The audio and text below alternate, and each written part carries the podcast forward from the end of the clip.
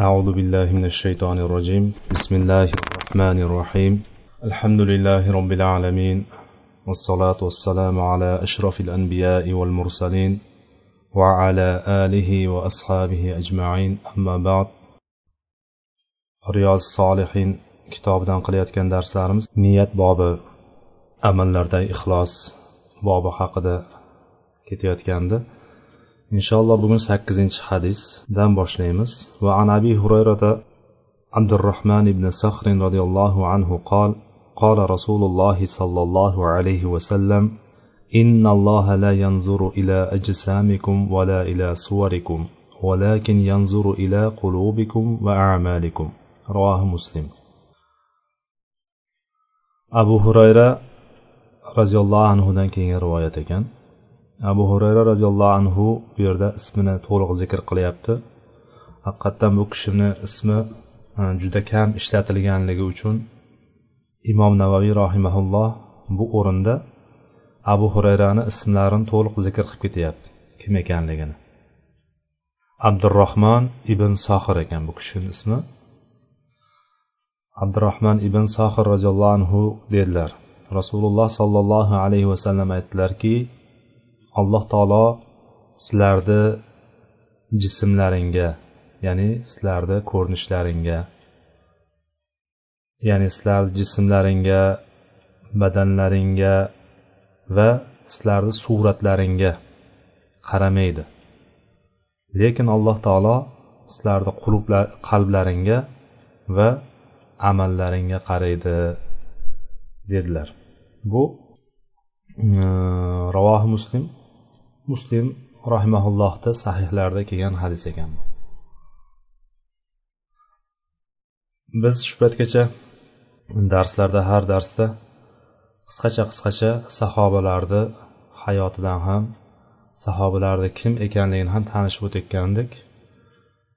Menimcha allohu alam shu kungacha abu hurayra roziyallohu anhuni hayotlari kelmadi shekilli. Bugun birinchi marta abu hurayra roziyallohu anhuni bevosita rivoyat qilgan hadisi bilan tanishyapmiz. Abu hurayra roziyallohu anhu islomdan oldin ya'ni islomga kirishdan oldin musulmon bo'lishdan oldingi ismi abdushams edi. Ya'ni u paytlar arablarni ismlarida quyoshni o'g'li degan ya'ni quyoshni bandasi degan. Ya'ni shunaqa ismlar abdul shams abdul uzzo abdul kaba degan ismlar ko'p bo'lgan. Shulardan bittasi demak e, abu hurayraning ham ismi bo'lgan ekan abdul shams degan. Quyoshning bandasi degan. Keyin musulmon bo'lgandan keyin abdurahmon degan ismni olgan ekan. Bu kishini laqablarini har xil e, rivoyatlar keladi. Ya'ni laqablari qanday qayerdan kelib chiqqan? Ba'zi olimlar aytishadiki u kishi johiliyat davrida qo'y boqib yurar ekan. Qo'y boqib yurgan paytda shu mushukchani har doim borgan paytda bir mushukchani erkalab o'shani ko'tarib yurib qarab yurar ekanda va qaytib ketayotganda bir daraxtni kavoyiga qo'yib ketar ekan. Ertasi kun kelib turib yana shunday qilar ekan. Ya'ni doim shunday qilib yurganidan mushukchani otasi degan laqabda ya'ni arablarda shu gap bor abu degani otasi degani asli. Abu hurayra degani mushukcha mushukchaning otasi degani. Shu laqabni olgan deyishsa ba'zilar boshqa tarafni keltiradi. Boshqa tarafni keltirgani bir kuni deydi islomga kelgandan keyin ya'ni musulmon bo'lgandan keyin bir kuni abu hurayra roziyallohu anhu qo'yniga bir kichkina mushukchani ya'ni mushukni bolachasini solib ko'tarib kelayotgan bo'ladi.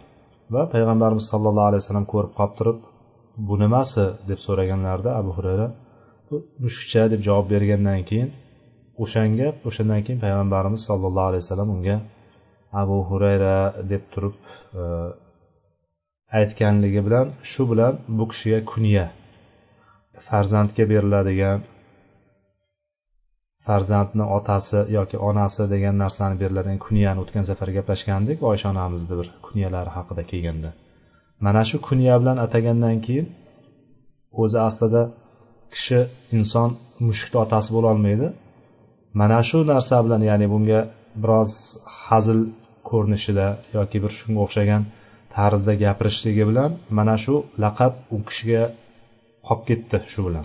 Bundan keyin va u kishi ham yaxshi ko'rardi mana shu laqab bilan atalishlikni shundan keyin e, tarixda ham shu kungacha ham musulmon olamini ichida abu hurayra desa hamma taniydi lekin abdurahmon ibn sahr desa hech kim tanimaydi. Ya'ni shu darajada abu hurayra degan laqabi bilan keng tarqalib ketdi. Bu kishi islomni hijratning yettinchi yilida qabul qilgan. Hijratni yettinchi yilda musulmon bo'lgan. Ya'ni bunday qaraydigan bo'lsak haybar jangidan keyin musulmon bo'lgan. Bu degani payg'ambar sollallohu alayhi vasallam bilan o'rtacha olib qaraganda uch yil birga bo'lgan. Uch yil birga bo'lgan bu kishi payg'ambar sallallohu alayhi vasallam masjidlarini masjidlarini yonida bir ahli sufa bo'lgan ya'ni sufa ahli degan ashobi sufa deb aytishgan. O'sha joyda musulmonlarni uy joyi yo'q bo'lganlari kambag'allari oilalari yo'qlari o'sha yerda turishgan. Masjidni bir chetida bir joy qilib qo'yilgan. Ahli suffa deb qo'yishgan uni. Ya'ni kim nima narsa topsa orttirib kelsa olib kelib berilgan o'shalarni yeb va faqat dinni o'rganishlik yoki boshqa ishlar bilan mashg'ul bo'lgan sahobalar bo'lgan. O'shalarni ichida bo'lganlardan bittasi mana shu abu hurayra roziyallohu anhu bo'ladi. Bu kishi ham ya'ni qorni to'ygan paytda rasululloh sollallohu alayhi vasallam birga bo'lgan. Lekin shunga qaramasdan uch yil birga bo'lishiga qaramasdan sahobalarni ichida eng ko'p hadis rivoyat qilgan sahobiy abu hurayra roziyallohu anhu hisoblanadi. Ya'ni umumiy hisobda olganda besh ming uch yuz yetmish to'rtta hadis rivoyat qilgan ekan. Shundan olti yuztasi olti yuz to'qqiztasi yoki olti yuz o'ntasi buxoriy va muslimni sahihlarida kelgan. Ya'ni shu darajada ko'p hadis rivoyat qilgan. Shuning uchun hozirgi kundagi mustashriqlar deymiz sharqshunos ya'ni islomni bulg'ab ko'rsatishlik islomni o'rganib chiqishlik ular o'rganib chiqqan hatto bizdan zo'r o'rganib chiqqan mustashriqlar bor. Yevropadagi e, g'arb olamidagi mustashriqlar deymiz sharqshunoslar bor. Islom dinini o'rganib chiqib turib oxirgi yuz yil ichida e, islomni ichida turli xil shubhalarni paydo qiladigan E, fikrlarni g'oyalarni keltirib chiqardiki mana shulardan bittasi ham sahobalarga tosh otishlik sahobalarga tosh otishlik ya'ni hadis ilmida sahobalar adolatli hisoblanadi ular ishonchli hisoblanadi. Ya'ni adolatli deganimiz ulardan e, ya'ni ularni e, adolati tekshirilmaydi ya'ni. Ularni adolatiga alloh taoloni guvohligi va payg'ambarimiz sollallohu alayhi vasallam aytgan gaplari yetarli deymiz. Undan keyingilariga tobeinlar deymiz taba tobeinlar deymiz ularga har bittasiga adolat tekshiriladi ya'ni u yolg'on gapirmaganmi yoki bunday ish qilmaganmi muruati joyidami bunisi bundaymi zehni o'tkir bo'lganmi yozgan narsasi aniq bo'lganmi degan narsalar hammasi e, bularga ishlatiladi lekin sahobalarga ishlatilmaydi. Bular bo'lsa mustashriqlar sahobalarga tosh otishligini maqsadi. Masalan bittasi mana shu abu hurayra roziyallohu anhuni misol qilishadiki abu hurayra roziyallohu anhu bor yo'g'i payg'ambarimiz bilan uch yil birga bo'lgan bo'lsayu eng ko'p hadis qilishi hech aqlga to'g'ri kelmaydi deydi. Bu bir tarafi bo'ladigan bo'lsa ikkinchisi ya'ni o'sha islomga kelishdan oldingi paytdagi hadislarni ham rivoyat qilganligi deydi bu mutlaqo mumkin emas deydi. Qabul qilishlik mumkin bo'lmagan narsa deb turib tosh otadi. Lekin biz bu narsani shunday olamizki bu kishi abu hurayra roziyallohu anhu o'zlaridan aytadi o'zlari fikr berib aytadiki muhojirlar muhojirlardan bo'lgan birodarlarim ular tijorat bilan bozorlarda bozorlarda savdo sotiq bilan ovora bo'lishardi ansorlar bo'ladigan bo'lsa ansorlardan bo'lgan birodarlarim ular ekin tekin bilan xurmozorlar bilan mashg'ul bo'lardi. Men esa qornim to'ysa basti dedi. Ya'ni qornim ochmi to'qmi ketardim. Payg'ambar sallallohu alayhi vasallamdan ayrilmasdim. Ya'ni qorni to'q ekan.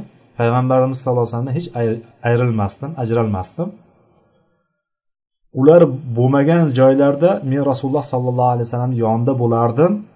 Ular yodlamagan narsalarni men yodlardim deb turib aytgan.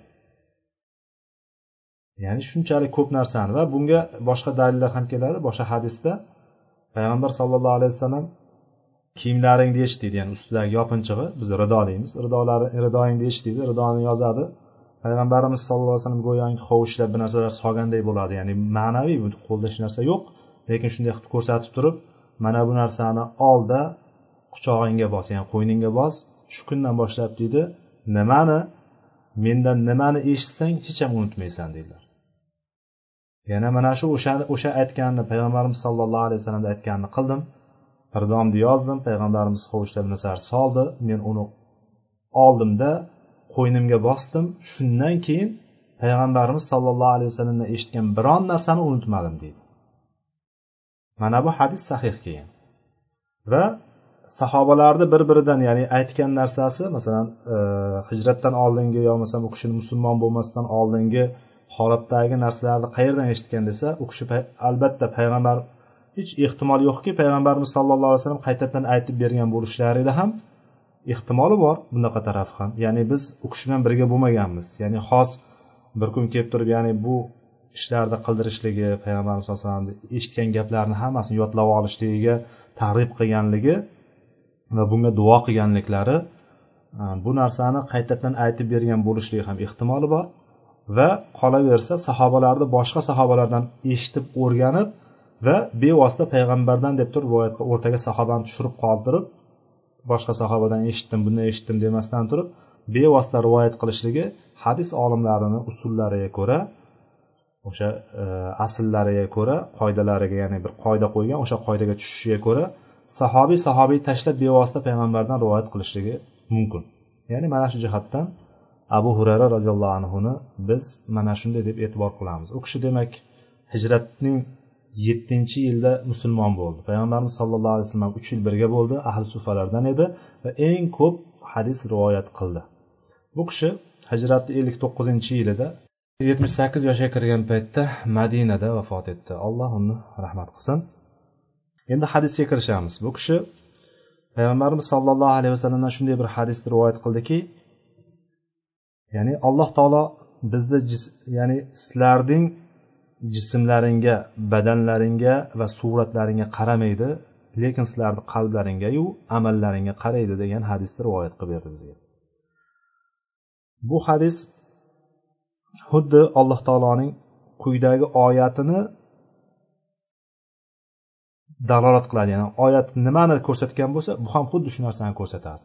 Bu oyatda hujrot surasini o'n uchinchi oyatida alloh taolo aytadiki audu billahi min shaytonir rojim ya ayyuhan nasu inna xalaqnakum min zakarin va unsa وجعلناكم شعوبا وقبائل لتعارفوا إن أكرمكم عند الله أتقاكم ey insonlar biz sizlarni bir erkak va bir ayoldan yaratdik deyapti ya'ni boshlanishi kimdan odam ato bilan havvo onamizdan ikkalasidan yaratdik sizlar deyapti. Ey insonlar hammamizni borib taqaladigan joyimiz bitta ota bitta ona.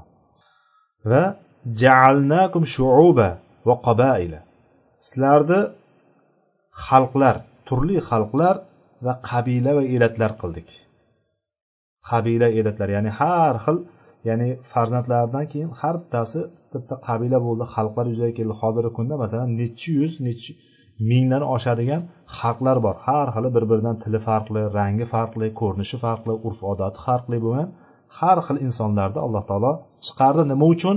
Litaarofu o'zaro bir birlaring bilan tanishasizlar o'zaro bir birlaring bilan fikr almashasizlar va mana shu narsani bir birlaringni allohni oyatlarini ko'rasizlar degan maqsadda bizni qabila xalqlar elatlar qilib irqlar qilib turib alloh taolo shunday qildi. Va davomida alloh taolo aytdiki inna akromakum indallohi atqokum allohni huzurida sizlarni eng hurmatli bo'lganlaring eng mukarram bo'lganlaring eng karamli bo'lganlaring ya'ni hurmatga loyiq bo'lganlaring kim? Atqokum eng taqvodor bo'lganlaringdir. Taqvodorroqlaring allohni huzurida nima ekan? Hurmatliroq demak taqvoga dalolat qilyapti. Bir hadisda payg'ambar sallallohu alayhi vasallam aytdilarki attaqva hahuna attaqva hahuna attaqva hahuna deb turib qo'llari bilan ko'kslarini ishora qildilar qalblariga ishora qildilar. Uch marta aytdilar. Qayta qayta attaqva hahuna attaqva hahuna attaqva hahuna taqvo mana bu yerda taqvo mana bu yerda taqvo mana bu yerda deb turib qalblariga ishora qildilar payg'ambarimiz sallallohu alayhi vasallam. Ko'kslariga ishora qildilar. Ya'ni taqvo bizni bo'ynimizni egib yurishimizda o'zimizni tavozuli bir e, juda bir ibodatgo'y qilib ko'rsatishimizda emas. Tashqi ko'rinishimiz bilan biz ko'rsata olmaymiz bu narsani. Taqvo qalbda bo'ladi. Qalbda joylashadigan narsa bo'ladi bu narsa. Mana shu narsani payg'ambar sallallohu alayhi vasallam ko'ksilariga ishora qildilar va davomida aytdilarki dedilar. O'sha hadisda aytganlaridan keyin taqvoni qayerdaligini ishora qilganlaridan keyin bir kishining yomonligiga kifoya qiladi dedilar. Ya'ni yomonligiga deganda ba'zilar e, ba'zi olimlar bu yomonlikni sharhini gunohiga deb aytganlar. Ya'ni bir kishini gunohkor ekanligiga kifoya qiladi birodarini mensimasligi birodarini past sanashligi birodarini ya'ni birodarini hech bir mensimasligi qaysi jihatdan bo'lishidan qat'iy nazar.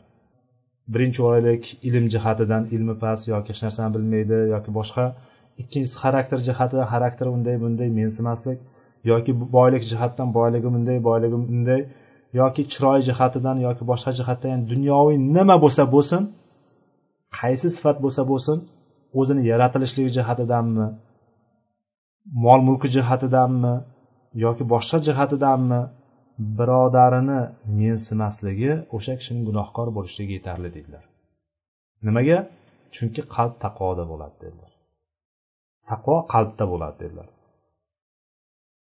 Shunga buni hamma narsani boshi demak inson bir kishini mensimasligidan kelib chiqadi. Mensimaganligi uchun g'iybat qiladi mensimagani uchun unga zulm qiladi mensimagani uchun uni xorlaydi birovlarni yonida mensimagani uchun uni bemalol xohlagan ishini qiladi. Agar o'shani bir kishi tasavvur qiling bir kishi sizdan ko'ra boy yoki sizdan ko'ra martabasi ulug' sizdan ko'ra boyagi aytayotgandek bir uncha muncha odam o'rtaga tushib turib ham yetib bora olmaydigan oyda yilda bir yoki zo'rg'a yetib borib ko'rishadigan odamga siz bemalol uni kamsitib gapira olmaysiz. Sabab nima? Sabab uni uni sal hurmat qilganingiz. Siz hurmat qilmaysiz ekan uni bemalol kamsitaverasiz xotirjam kamsitasiz uni. Xotirjam yerga urasiz xotirjam ustidan kulasiz xotirjam unga zulm qilasiz kerak bo'lsa. Zulmni zulmni boshlanishi nima hammasi zulmni boshla g'iybat zulm chaqimchilik qilish zulm hammasi zulmni bir ko'rinishi hisoblanadi. Zulm deganda keng narsa tushuniladi arab tilida. O'zimizdagi o'xshab faqatgina bittasini borib turib o'ldirish yoki bo'g'ish degan narsa emas. Zulm degani juda keng qamrovli kalima hisoblanadi. Hamma narsani boshi eng katta zulm shuning uchun alloh taolo inna shirka la zulmun azim deydi alloh taolo. Shirk eng katta zulmdir deydi alloh taolo. Shuning uchun demak o'zimiz tekshirishimiz kerakki qayerda bo'lar ekan alloh taolo qayerimizga qaraydi ekan bizni qalblarimizga qaraydi. Birinchi o'rinda. Keyin amallarimizga qaraydi. Demak amallarimiz qalblarimizdagidan to'g'ri kelsagina amalimiz qabul bo'ladi. Bo'lmasam yo'q. Biz tashqi ko'rinishda har xil ko'rinish ko'rsatib berishimiz mumkin. Hozirgi kundagi g'arbliklar yoki munofiqlar yoki johillarga o'xshab turib ishim bitgunicha eshagim loydan o'tgunicha suvdan o'tgunicha degani emas ya'ni tashqi ko'rinishda tirjayib turib jilmayib turib orqangizdan kelib turib pichoq uradigan yoki jilmayib turib hamma ishni orqangizdan loy shuvib yuboradigan loy chaplab yuboradigan bo'lishligi kerak emas. Mo'min kishini qalbi bilan tili bir xil bo'lishligi kerak. Qalbim bilan tilim bir xil ekan deb turib agar u qo'pol bir yoki boshqa bir har xil gapidan har bir gapidan zahar tomib turadigan bo'ladigan bo'lsa bu narsada payg'ambar sallallohu alayhi vasallam boshqa ko'rsatmalarni olishlik kerakki mo'min kishi mo'minlar uning tiliyu qo'lidan omon bo'lgan kishidir degan yuqorida oldingi darslarimizda aytib o'tganmiz. Mana shu hadisga ko'ra ish qilishligi kerak. Demak biz ollohni huzurida faqat alloh bilan bandalarni o'rtasida hech qanaqa bir aloqa yo'q bittagina aloqa bor. Bu ham bo'lsa taqvo aloqasi bor. Taqvo qalbda bo'ladi. Hatto alloh taolo innama yataqabbalullohu minal muttaqin degan alloh taolo. Ya'ni oyatda hattoki alloh taolo qurbonligimizu duolarimizu namozlarimizu ro'zalarimizu qandaqa bo'lsa bo'lsin amallarimizni faqatgina muttaqin bandalaridan qabul qilishligini aytdi. Muttaqin deganimizda alloh aytganini qiladigan qilma deganini qilmaydigan va qalbida o'sha narsani saqlaydigan kishi qisqacha aytganda bittanday qolib yasaydigan bo'lsak allohni aytganini qiladigan qilma deganini qilmaydigan. Albatta bu yerda sunnat ham kiradi. Rasululloh sollallohu alayhi vasallamni olloh va rasulini aytganini qiladigan qilma demagan narsasini qilmaydigan kishi qisqacha aytganda taqvodor kishi bo'ladi. Ho'p demak faqatgina taqvo bilangina bandalarni o'rtasida aloqa bor ekan. Alloh bilan bandani o'rtasida. Kim qancha taqvodorroq bo'ladigan bo'lsa qancha taqvo qiladigan bo'lsa allohga shuncha yaqin bo'ladi. Uni na rangi na uni nasabi na uni boshqa ko'rinishi dunyoviy nima bo'lishidan qat'iy nazar uni alloh taologa yaqinlashtirmaydi. Hech narsa. U bo'lishligi mumkin boyagi aytayotgandek baquvvat bo'lishligi mumkin. Yoki bittasi olishi mumkin kichkinagina bo'lishligi mumkin. Bittasi sog'lom bo'lishi mumkin bittasi kasal bo'lishligi mumkin bittasini surati juda chiroyli. Ko'rsa odam mahliyo bo'lib qoladigan darajada chiroyli bo'lishi mumkin. Bittasini olayotgan bo'lsangiz bir qaraganda odam qaytib ko'rmasam shuni deydigan darajada badbashara bo'lishligi mumkin. Lekin bu narsalar bilan biz nima? Ollohni huzurida ajralmaymiz ekan. Alloh taolo bizni qayerimizga qaraydi ekan bizni qalblarimizga qaraydi ekan. Shuning uchun kishi o'zini mulki bilan badavlat ekanligi bilan puldor ekanligi bilan o'zini chiroyi bilan o'zini badanini quvvatli ekani bilan yoki o'zini bolalarini ko'pligi bilan yoki boshqa boshqa yoki qasrini baland katta qasri bor zo'r binosi bor yer yer ham chuqur qilib turib qazib turib tagiga kamazlar kirib chiqadigan qilib turib yerto'lalar qilib qo'yganligi bilan emas yoki chiroyli mashinalar minganligi bilan emas yoki qo'ldagi telefonlari bilan emas yoki boshqa narsa bilan emas hech narsa bilan demak faxr qilmaslik kerak faxrlanmaslik kerak maqtanmaslik kerak. Nima? Chunki hamma narsa qayerda bo'lar ekan? Qalbda bo'lar ekan. Alloh taolo bizni qalblarimizni o'ynasin niyatlarimizni o'shanga yarasha qilsin. Ho'p bu yerda demak amallarni e, shuning uchun aytyaptiki eng muhimi kishi o'zini qalbini doim nima qilish kerak? Muolaja qilib turishlik kerak. Biz yuragimiz sal og'rib qoladigan bo'lsa urib ketib qoladigan bo'lsa tez urib ketib qolsa yoki sekin urib boshlaydigan bo'lsa birpasda rohatsiz bo'lib qolamiz. Qalbimiz e, bezovta bo'lib qoladi. Bezovta bo'lib qolgandan keyin doktorga boramiz o'shani davolatishga harakat qilamiz lekin islomiy nuqtai nazardan oladigan bo'lsak qalbimizni har doim tekshirib turishimiz kerak. Qalbimizga kelayotgan fikrlar o'ylar hayollar o'ylayotgan narsalarimiz hammasini nima? Qalbimizni tekshirib davolab turishimiz kerakki to'xta qalbim boshqaga boshqa birodarimga nisbatan bunaqa bo'lib qolmayaptimikan? Boyagi aytganimizdek mensimay qolmayapmanmikan? Mensimay qolayotgan bo'lsam ozgina tekshirib o'zimiz sal pastga tushirib qo'ysak qalbimizni davolayotgan bo'lamiz. Yoki biz qanday qalbimizni yana qanday qilib davolashimiz mumkin? Agar bizga shayton har xil shubhalarni olib kelayotgan bo'lsa shayton har xil shubhalarni shayton har xil fikrlarni olib kelayotgan bo'lsa biz o'zimizni kim ekanimizni bir o'ylab qo'yaylik qaraylik. O'zi boshida kim edik? Hozir kimmiz va ertaga kim bo'lamiz? Hozir turishimiz qanday? Boyagi aytayotgandek bir qultum suvga. Agar suv bo'lmasa o'sha suvga ham muhtoj bo'lib turib ya'ni hamma narsaga rozi bo'lib qoladigan holatga kelib qolishligimiz hech gap emas. Yoki bir kunda hamma narsani qo'limizda bor narsani hammasidan ayrilishimiz mumkin hech gap emas ya'ni shunaqa bir olloh xohlaganini qiladigan bir insonmiz ya'ni. O'sha inson bo'lganimizda kim ekanligimizni yaxshilab qarashimiz kerakda va bizni olloh bizga bergan ne'matlarini eslashimiz kerak. Qancha ne'matni berib tashladi so'rasak so'ramasak shuncha ne'matlarni berdi biz qaysi birimiz onani qornida ekanligimizda tug'ilmashimizdan oldin men qiz bola bo'lib tug'ilay erkak bo'lib tug'ilay deb qaysi birimiz aytdik? Yoki biz tug'ilayotgan paytimizda allohim meni ko'zim ko'rsin burnim nafas olsin tilim gapirsin men soqov bo'lib qolmay ko'r bo'lib qolmay kar bo'lib qolmay qo'lim butun bo'lsin oyog'im butun bo'lsin deb turib so'radikmi biz? So'ramasak ham shuncha ne'matni berib tashladi alloh taolo. Ya'ni shuning uchun biz bu ne'matlarni eslashligimiz olloh ollohni bizni koinotda qo'yib qo'ygan mana bunday qaraylik tashqariga qaraylik. Qancha narsa turibdi. Hamma narsa insonlarga bo'ysundirib qo'yilgan. Demak shayton olib kelayotgan narsa agar bizga shak shubhani olib kelayotgan bo'lsa bir o'zimizga qaraylik birinchi o'rinda o'zimizga qaraylik. Keyin atrofdagi narsalarga qaraylikda bu narsalarni kim boshqarib turibdi? Shuncha ne'matni so'rasak ham so'ramasak ham berib turgan narsani bir eslab olsak eslasak o'sha paytda o'zimizga kelib qolamiz. O'zimizni kimligini bilamiz. O'zimizni kimligimizni biladigan bo'lsak sekin asta joyimizga tushamiz.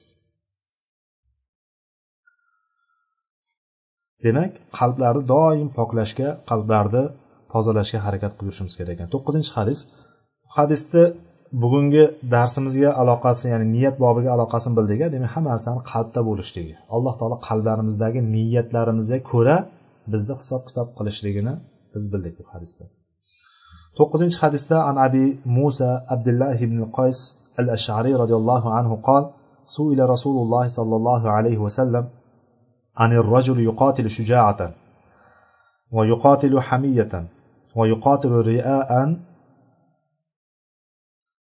أي ذلك في سبيل الله؟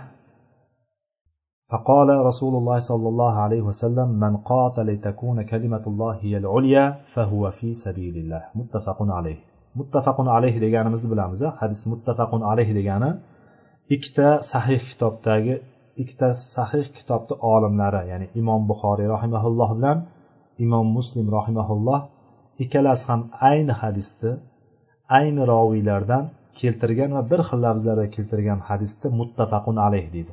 Sahihlik jihatidan eng yuqori manzilatda turadigani muttafaqun alayh bo'ladi.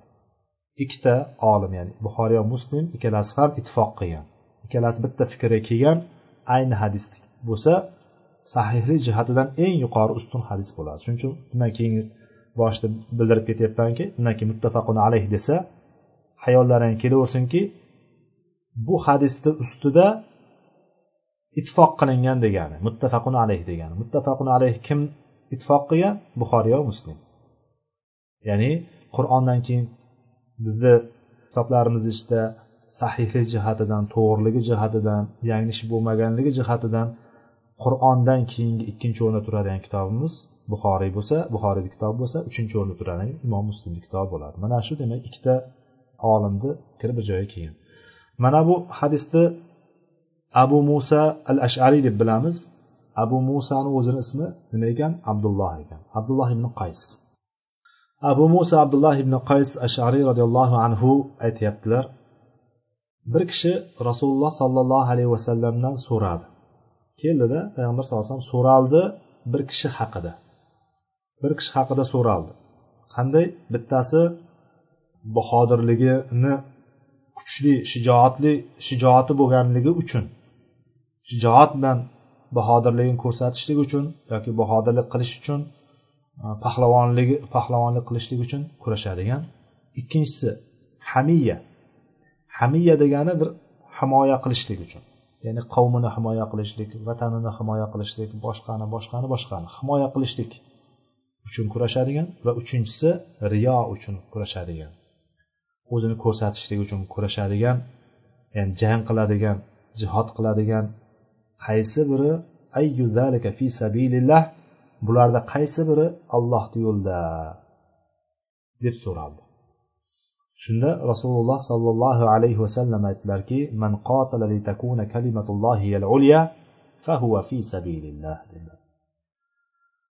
Allohni kalomini allohning kalimasini ya'ni la ilaha illalloh kalimasini oliy qilishlik oliy bo'lishligi uchun jang qilgan kishi kim shunday jang qilsa alloh kalimasini oliy bo'lishligi uchun kurashsa fahuva fi sabilillah. Ana o'sha ollohni yo'lida hisoblanadi.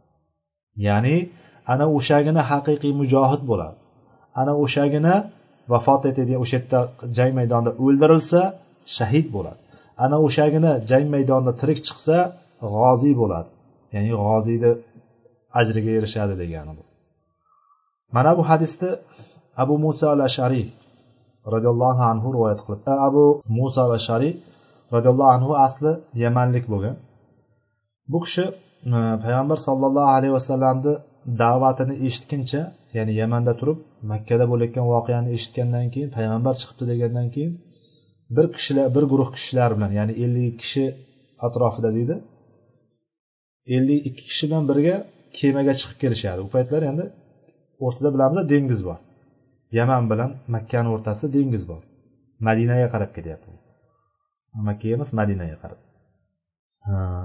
Dengizga chiqib turib kemaga chiqib yo'lda e, bo'ron turib ya'ni ularni kemasini to'lqin boshqa yoqqa borib tashlaydi. To'lqin habashistonga borib tashlaydi ularni habashistonga borib turib ular quruqlikka chiqqandan keyin o'sha yerda payg'ambarimiz sollallohu alayhi vasallamni sahobalaridan bo'lgan u kishini e, amakisini o'g'li jafar roziyallohu anhu va musulmonlar bir qismini yoniga boradi. Ya'ni o'shani eshitgandan keyin xursand bo'lib hech bo'lmasam shular bor ekanku deb turib o'sha yerga borishib turib o'sha yerda islomga kirishadi. Ya'ni habashistonga hijratda o'tuvdik oldingi safarlar ya'ni ikki marta habashistonga ikki marta hijrat qilingan o'shandan bittasida demak o'sha yerda musulmonlar yashagan paytda bular habashistonga borib qolishgan. Madinaga boramiz deb turib to'lqin bilan boshqa yoqqa borib turib habashistonga borib qolgan va bular ham hijratni yettinchi yilida hamma habashistondan qaytadiganlar baravar qaytgan paytda madinaga kelishadi. Madinaga kelishib turib o'shandan keyin payg'ambar sallallohu alayhi vasallam ularga birinchi habashistonga borgani keyin makkaga deb turib ya'ni xuddiki ikkita hijratni yopgan degan va allohni rizoligini oldi alloh ulardan rozi bo'ldi degan bashoratini berganlar payg'ambar sallallohu alayhi vasallam bularga. Birinchi xabar xuddiki ular habashistonga hijrat qilmagandilar aslida lekin to'lqinlarni habashistonga borib qo'yganligi bilan ularga ikkita hijrat ajri berildi deb turib payg'ambar sallallohu alayhi vasallam ularga bashorat bergan ekan. Abu muso shariy roziyallohu anhu so'ngra kelgandan keyin qolgan uch yilida payg'ambar sallallohu alayhi vasallam hech ham ajralmadi deydi qolgan paytlari hamma janglarda jihodlarda payg'ambarimiz bilan ishtirok etdi. So'ngra bu kishi e, usmon umar roziyallohu anhu usmon roziyallohu anhu davrlarida basra kufaga valiylik qilgan. Ya'ni o'sha voliylik qilgan hozirgi kunda hokimlik qilgan hozirgi kunda til bilan aytadigan bo'lsa. Va bu kishi qur'onni juda chiroyli o'qiganligi bilan mashhur bo'lgan. Sahobalarni ichidagi oltita olim e'tibor bering oltita olim hadis ko'p rivoyat qilgan emas. Oltita olim deb turib tilga olinadigan ya'ni fatvo olinadigan ulardan borib ilm olinadigan ulardan bir narsani so'raladigan shunaqa olimlari bo'lgan sahobalar o'shalar ichida oltitasini ichida yer olgan kishi hisoblanadi. Abu muso ashariy u kishi qur'oni e, qur'onni payg'ambar sallallohu alayhi vasallam bevosita o'rganib turib va yillar davomida o'sha basra kufada mana shu qur'onni o'rgatishlikdan mashg'ul bo'lgan va juda chiroyli ovozi bo'lgan. Kunlardan bir kun payg'ambar sallallohu alayhi vasallam oysha onamiz bilan ketayotganlarida uni qur'on o'qiyotganligini eshitib qoladi. Biroz eshitib tinglaganlaridan keyin aytadilarki unga dovud alayhissalomni ovoziga o'xshash ovoz berilibdi. Mizmar deb keladi. Naylar deb aslida hadisda mizmar kalimasi keladi. Ovoz deb turib birdan berib ketyapman ma'nosini. Ya'ni o'shanda e, dovud alayhissalomning e, mizmorlaridan bir mizmor berilibdi deganday ya'ni unga dovud alayhissalomni ovozi eng chiroyli ovozlardan bo'lgan. Ya'ni shunaqa chiroyli ovoz berilibdi deb turib payg'ambar sollallohu alayhi vasallam bu kishini maqtaganlar. Ho'p bu kishi uch yuz oltmishta hadis rivoyat qilgan ekan.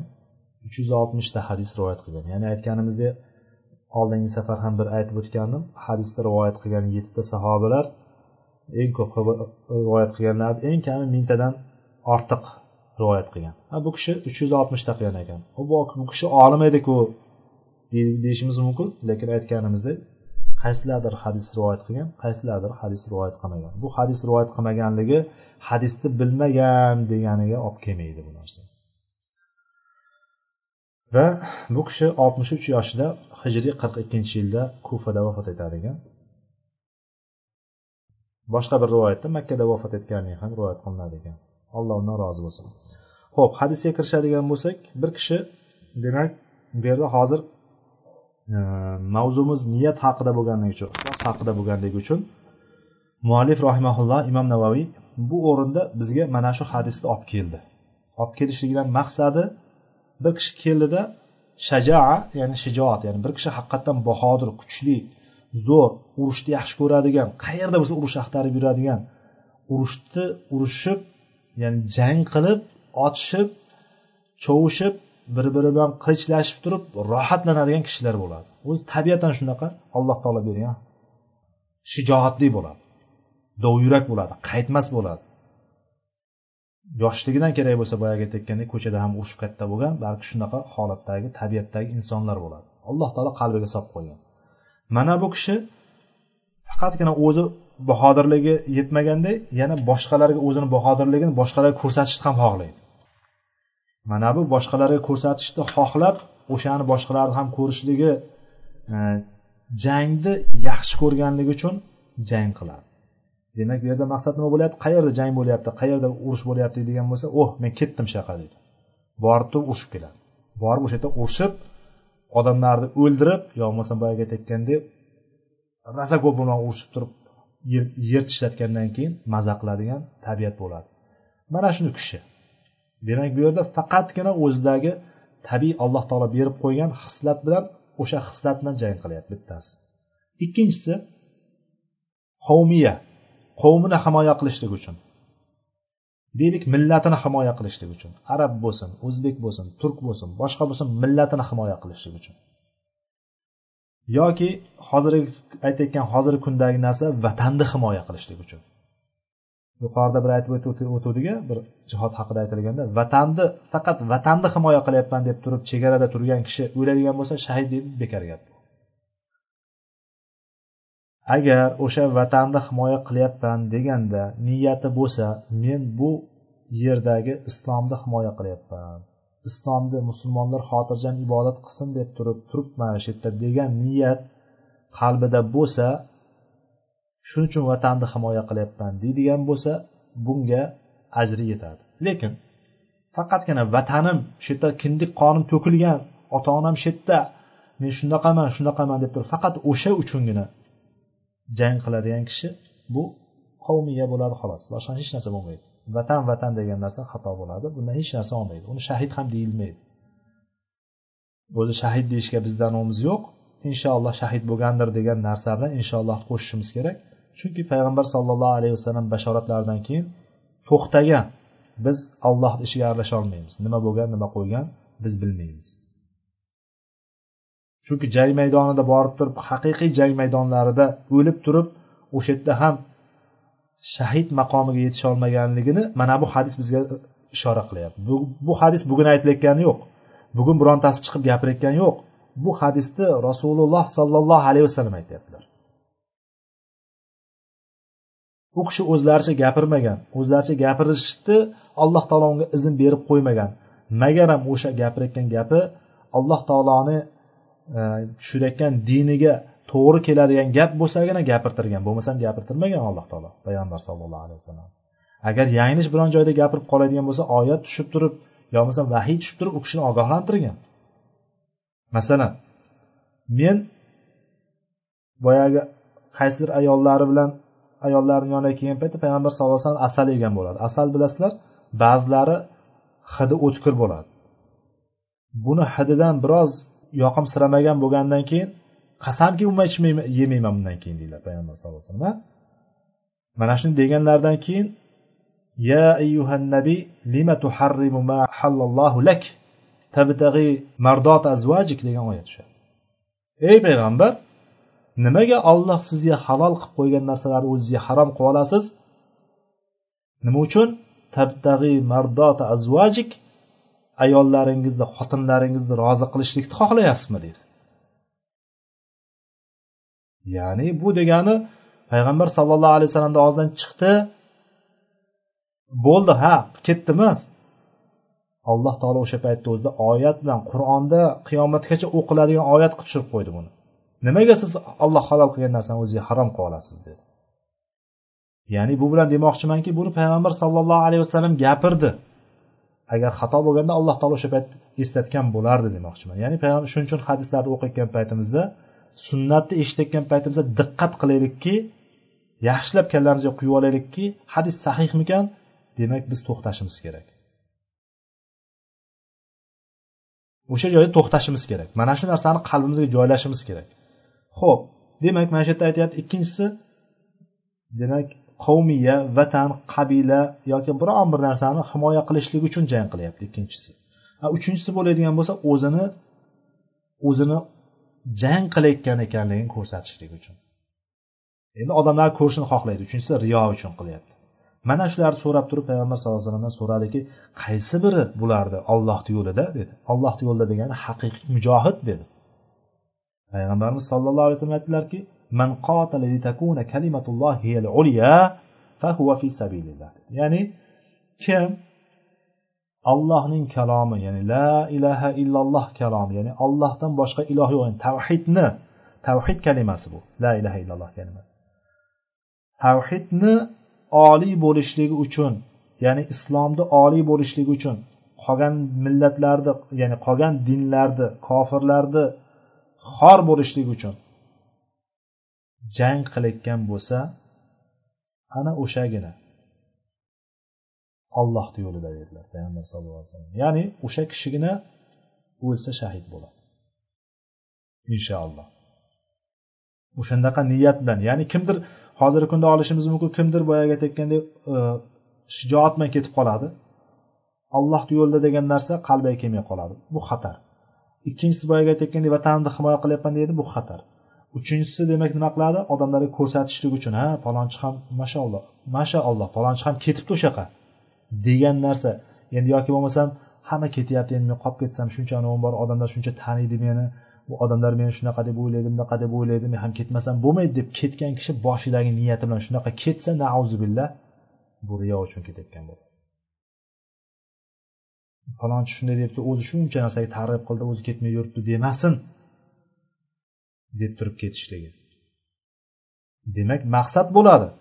Qilayotganda maqsad niyat. Biz aytayotganimiz niyat niyat eng ahamiyatli narsa deganimiz mana shu niyatlarni o'rgatadigan olimlar bo'lishligi kerak deb turib ba'zi olimlar qaniydi? Shu faqat niyat bilan shug'ullanadigan va odamlarga qilayotgan ishlarida nima maqsadda qilayotganliklarini o'rgatadigan olimlar o'tirsa qaniydi deb turib o'sha o'rgatadigan olimlar bo'lsada faqat shu bilan shug'ullansa deb turib orzu qilgan olimlar bo'lgan. Yoki hozirgi kunimizda aytayotganimizdek g'animat g'animat to'plashlik uchun. Borsam hozir ba'zilar shunaqa holatlarni eshityapmiz. Alloh ularni qalblarini isloh qilsin va bizni ham alloh isloh qilsin. Shunaqa holatlarni eshitib turib odam achinadiki borib turib jangni qilib turib g'animat tushgandan bo'lishgandan besh ming o'n ming dollardan tushib turib olib turib jo'nab yuborib turib hozir boshqa joylarda kufr diyoriga borib turib taksistlik qilib yurgan birodarlarni eshitdik. Shunaqa narsalarni eshityapmiz hali ham. Borayotganda boshidagi niyati nima bo'lgan olloh bilguvchi lekin qilayotgan niyatimizni to'g'ri qilishligimiz kerak u borib turib biroz ha zo'r bo'lyapti ekan. Mana yoqda shuncha kofirlarni ichida yurgandan ko'ra kofirlarga kelib turib ozgina maytga qarab turib ozgina jang qilsang qo'lingga pul ham tushadi degan narsa bilan targ'ibni boshqa tarafdan olib kelishlikdan va qalbga o'sha narsa kirib qolishidan qo'rqishlik kerak.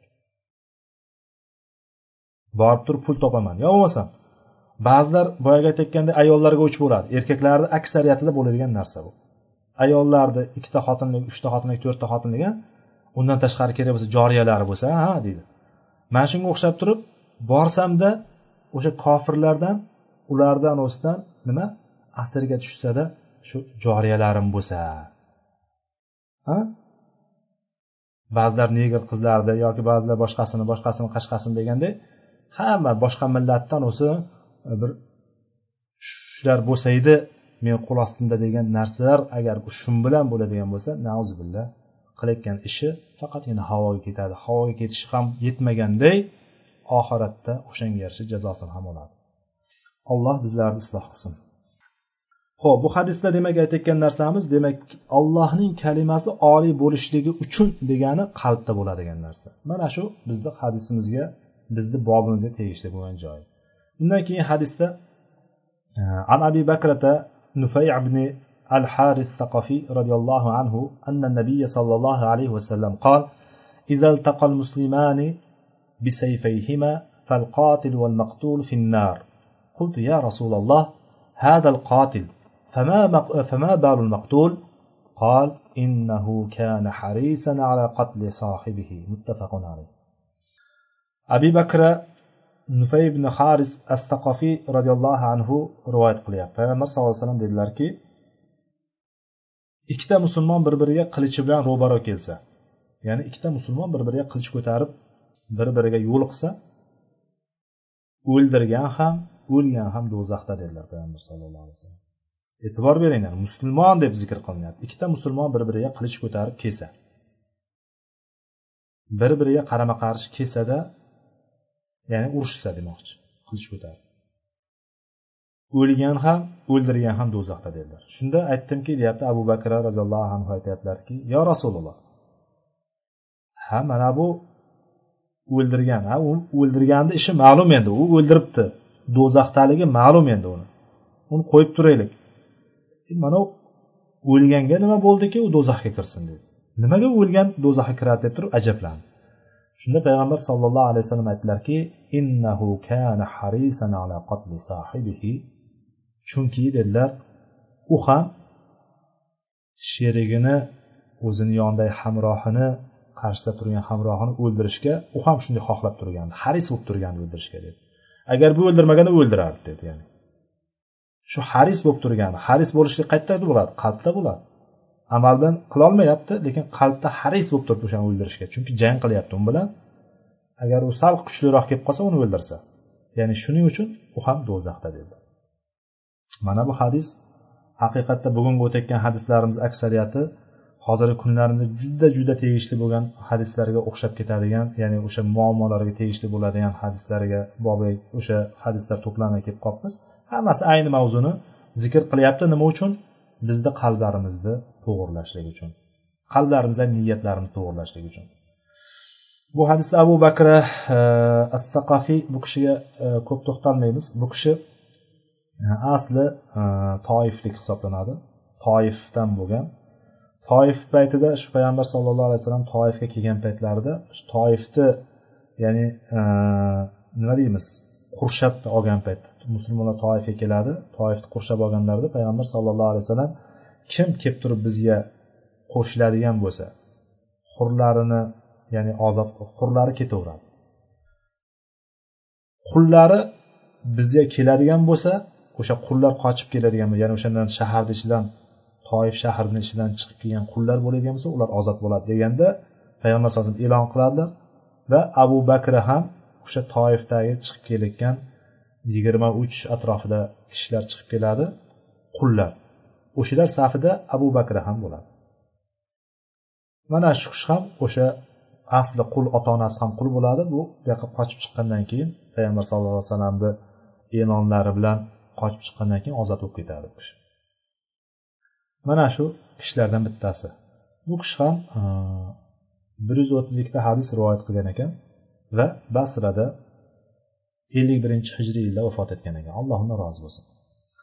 Demak bu yerda hadisni aytayotgan paytimizda hadisda ikkita musulmon kishi bir biriga qilich bilan ro'barama ro'bara kelsa qarama qarshi kelsa bir biriga deb kelyapti. Endi bu yerda faqat qilich bilan kelsami? Yo'q. Nima bilan kelsa ham? Ya'ni inson o'ldirishga olib keladigan qo'lida nima bo'lishidan qat'iy nazar hozirgi kundagi pistolet deymizmi avtomat deymizmi miltiq deymizmi yoki boya aytgan pichoqmi? Yoki arrami yoki boyagi aytgan temirmi ya'ni mutlaqo olgan paytimizda inson o'shan bilan bir birini ursa o'limga olib keladigan qo'lida nima jism bo'lsa ikkalasida ham ayni bir birini o'ldiradigan bir birini jarohatlasa o'ldiradigan narsa qo'lida bo'ladigan bo'lsa o'sha holatda bir biri bilan jang qilsa olishsa urushsa o'lgan ham o'ldirgan ham do'zaxda hisoblanadi. Sababi boyagi aytayotgandek bu narsaga ikkinchisi ham o'sha narsani xohlab turganligi uchun xohlash qalbda bo'ladi harislik qalbda bo'ladi hirs mana bu xohishni bu yerga keltirayotgani demak e, shuning uchun bir kishini o'ldirishligi mana oyatda ham keladiki ومن يقتل مؤمنا متعمدا فجزاؤه جهنم خالدا فيها وغضب الله عليه ولعنه وأعد له عذابا عظيما alloh taolo aytdiki niso surasini to'qson uchinchi oyatida kim bir mo'min kishini qasddan o'ldiradigan bo'lsa qasddan deganimiz boyagi aytayotganda urushib qoldi yugurib chiqirib ikkalasi ham pichoq ko'tarib chiqishdi. Nima bo'lyapti qasd bo'lyaptimi yoki adashib borib turib pichoq tiqib qo'yaptimi? Qasd bo'lyapti bu yerda. Xato bilan o'ldirish qachon bo'ladi? Xato bilan o'ldirish masalan deylik ko'rmay qoldi mashinani orqaga haydayotganini ko'rmay qoldi bosib ketdi o'ldirib qo'ydi. Bu bitta holat. Ikkinchi holat. Deylik jang maydoni deydi. Oldi tarafda bir musulmon kishi urushayotganini otayotgan paytda musulmon kishiga tegib ketdi. Xatodan o'ldirib qo'ydi. Bu xato bilan o'ldirish deydi buni. Lekin ikkalasi ham qilichni ko'tarib yo pistoletni ko'tarib bir biri bilan bo'g'ishib boyagi aytayotgandek temirlarni ko'tarib pichoqni ko'tarib chiqib kelishligi bu qasd bo'ladi. Qasddan bir birini bitta mo'minni qasddan o'ldiradigan bo'lsa fajazauhu jahannama xolidan fiha uning joyi unda abadiy qoladigan jahannamdir uning jazosi deyapti. Alloh taolo aytyapti abadiy qoladigan jahannamdir va olloh unga g'azab qildi va unga la'nat aytdi va u uchun buyuk azob tayyorlab qo'ydi. Ya'ni juda qattiq azob buni. Juda katta do'zaxda abadiy qolishlik. Allohni g'azabiga la'natiga duchor bo'lishlik va u uchun buyuk azob tayyorlab qo'yishlik mo'min kishini qasddan o'ldirishlikda kelib chiqadi. Demak odamlar o'zlariga jahannamni qayerdan tayyorlab olayotgan bo'lsa tayyorlab olib yotibdi zolimlar ham. Ya'ni biz bundan hech boyagi aytayotgan paytimizda boyagi to'g'ri siqilamiz qalbimiz og'riydi birodarlarimizga achinamiz lekin bilaylikki bizni qalbimizga orom berib turgan narsa ham bor. Alloh taolo bu zulmlarni orqasini ya'ni davomi bor. Biz faqat shu dunyodagi narsa bilan hisob qilmaymiz biz. Biz shu dunyodagini ko'rganimizda oxiratda albatta uni jazosi mukofoti borligini bilganimiz uchun biz xotirjam bo'lamiz. Mana shu narsaga demak xotirjam bo'lishi kerakki demak qasddan o'ldirgan kishi shu narsalar bo'ladi. Demak e, ikkalasi ham do'zaxda deganligi bu niyatga dalolat qilyapti. Lekin boshqa bir hadisda keladiki man qotala duna damihi fahuva shahid. Kim qonini o'zini qoni to'kilmasligi uchun himoya qilgan holatda urushadigan bo'lsa o'ldiriladigan bo'lsa o'zini himoya qilib o'ldiradigan o'ladigan bo'lsa shahiddir. Kim ahlini himoya qilib o'ladigan bo'lsa u shahiddir. Kim molini himoya qilib o'ladigan bo'lsa shahiddir deganlar payg'ambar sallallohu alayhi vasallam. Yoki boshqa bir e, e, boshqa bir hadisda bir kishi uyimga bostirib kelsa yo rasululloh uyimga bostirib kelib molimni tortib olaman deydigan bo'lsa nima qilay? degan paytda uni qaytargin deydilar. Ya'ni bermagin molingni deydi. Yo rasululloh agar u men bilan jang qilsachi dedi. Jang qilsa sen ham jang qilgin dedi. Yo rasululloh unda o'lsam nima bo'ladi deydi o'lsa nima o'lsam nima bo'ladi desa sen shahid bo'lasan dedi. Agar uni o'ldirib qo'ysamchi desa unda u do'zaxda bo'ladi dedi. Ya'ni bu bilan buni farqi bor. Hozir aytayotgan ikkita musulmon bir biriga o'zidan o'zi kelib turib boya tortishib qolib talashib qolib bu narsani yoki bo'lmasam bir biri bilan urushishligi farqli narsa. Ikkinchi kishi birinchi kishi ikkinchi kishiga tajovuz qilishi boshqa narsa. Uyga kelib turib tajovuz qilyapti bittasi. Tajovuzni bilamiz nimaligini tajovuz qilyapti bostirib kelyapti uyiga. Musulmon bo'lsa ham e'tibor beramiz musulmon bo'lsa ham yo'q musulmon kishini urish mumkin emas o'ldirish mumkin emas bu olloh oyatda bunday degan yo'q. Bunda zulmni oldi ochilib qoladi. Alloh taolo shunaqa hikmatli zotki bu narsani har bittasini joyiga qo'yibdi. Agar musulmon kishi bo'lsa ham boyagi aytayotgandek olim deb tanilgan bo'ladimi yoki qori deb tanilgan bo'ladimi? Endi men aytayotganim bu narsalarni misol qilib keltirayotganim ya'ni qo'polroq ya'ni kattaroq misollardan keltiryapmanki hattoki demoqchiman. Kim bo'lishidan qat'iy nazar demoqchiman. Kelsa uyga kelib turib bostirib kelib turib tajovuz qilmoqchi bo'ladi demasa shunaqa qilaman ya'ni molni tortib olaman uyini tortib olaman joyini tortib olaman yoki bir e, bolasini tortib olaman qizini tortib olaman ayoliga tajovuz qilaman degan kim bo'lishidan qat'iy nazar uni himoya qiladi o'sha paytda nima qilsa bor kuchi bilan himoya qiladi o'zini bu narsa jihod hisoblanadi.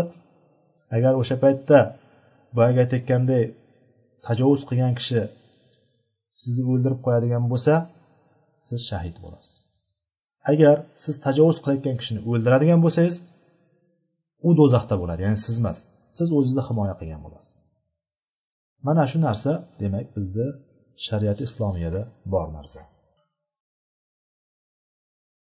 Mana shu bilan e, demak undan keyin hadisimiz e, vaqtimiz ham qisqa bo'lib qolibdi undan keyin hadisda inshaalloh o'n birinchi hadisga kelib qolibmiz o'n birinchi hadisda jamoat namozi haqidagi hadislar o'sha yerdagi niyatga taalluqli bo'lgan ixlosga taalluqli bo'lgan narsalarni inshaalloh kelasi darslarda o'tamiz. Bugungi dars yetarli inshaalloh. Demak ma'lum bo'ldi e, bu yerda farqi nima? Oddiy o'ldirib qo'yishlik bilan oddiy o'ldirishlik bilan ya'ni bir biri bilan urushib o'ldirishlik bilan o'zini himoya qilgan holatda moli bo'lsin obro'si bo'lsin uyi bo'lsin joyi bo'lsin yoki farzandlari bo'lsin yoki ahli oilasi bo'lsin himoya qilib o'lishlik bilan anavda ya'ni o'zaro urushib o'lishni farqi mana shu yerda ekan. Demak bunda ham nima bilan farqlanyapmiz? Niyat bilan farqlanyapmiz. alloh subhana taolo bizni qalblarimizni isloh qilsin niyatlarimizni o'nglasin to'g'irlasin va jamiki mo'minlarga allohni o'zi yordamini nusratini bersin وصلى الله على محمد وعلى آله وأصحابه أجمعين سبحانك اللهم وبحمدك أشهد أن لا إله إلا أنت أستغفرك وأتوب إليك وآخر دعوانا أن الحمد لله رب العالمين